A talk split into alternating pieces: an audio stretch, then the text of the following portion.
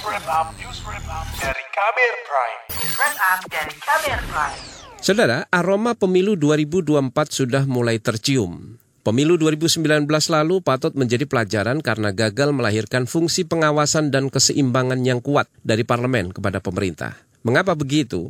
Berikut laporan khas KBR disampaikan Astri Juwanasari.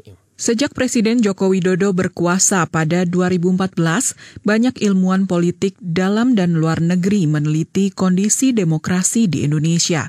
Kesimpulannya, demokrasi di Indonesia mengalami regresi atau kemunduran.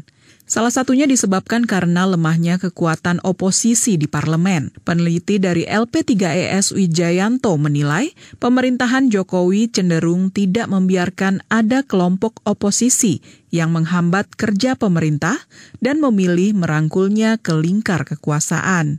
Ada upaya untuk melemahkan oposisi dengan cara baik secara uh, hegemonik ya dengan persuasif maupun secara koersif uh, dengan memenangkan uh, partai yang bersengketa yang sebenarnya kalah di pengadilan justru dimenangkan dan karena dia bisa dekat dengan kekuasaan.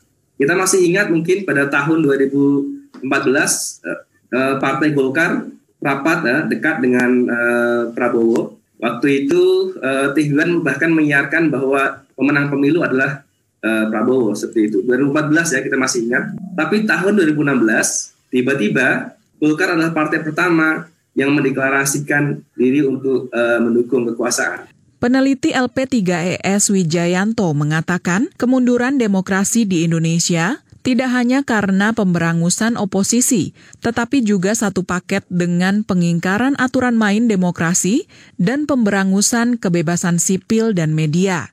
Di periode pertama Jokowi, mayoritas partai politik masuk koalisi partai pendukung pemerintah. Selama lima tahun itu, setidaknya hanya ada dua kekuatan politik yang tegas memainkan peran oposisi di parlemen, yaitu Partai Gerindra dan PKS. Sedangkan Partai Demokrat dan PAN malu-malu menjadi oposisi. Namun setelah Jokowi kembali memenangkan pemilu 2019, kekuatan oposisi makin berkurang ketika pemerintah merangkul Gerindra dan PAN ke koalisi pendukung pemerintah.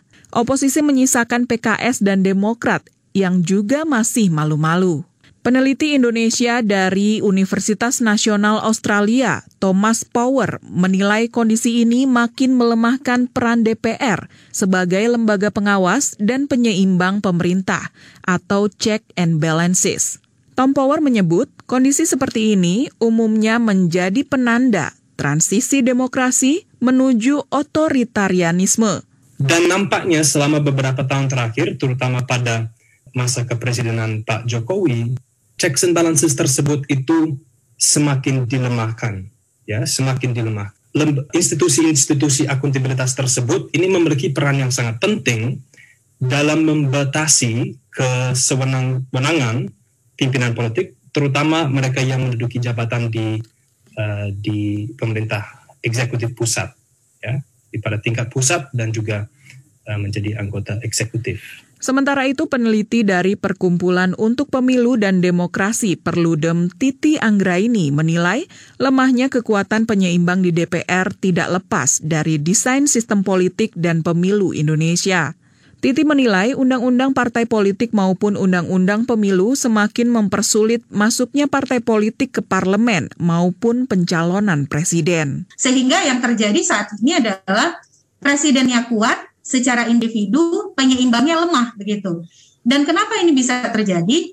Karena salah satunya kontribusi dari desain sistem pemilu yang terus melanggengkan barriers to entry atau akses masuk yang inklusif dan keragaman politik yang mestinya disediakan. Jadi presiden memang perlu dukungan uh, yang baik, yang efektif dari parlemen. Tapi kemudian untuk menghindari tendensi mayoritas, mestinya kekuatan-kekuatan politik yang beragam juga itu tetap diwadahi oleh parlemen. Titi mengatakan sistem ambang batas pada pemilu yang berlaku sejak 2009 tersebut makin diperburuk dengan dominasi partai politik dan menyempitnya ruang-ruang politik yang inklusif dan formal bagi masyarakat untuk ikut dalam pengambilan keputusan. Laporan ini disusun Agus Lukman, saya Astri Yuwanasari. Kamu baru saja mendengarkan news wrap up dari Kabel Prime. Dengarkan kamirprime.id, podcast for curious mind.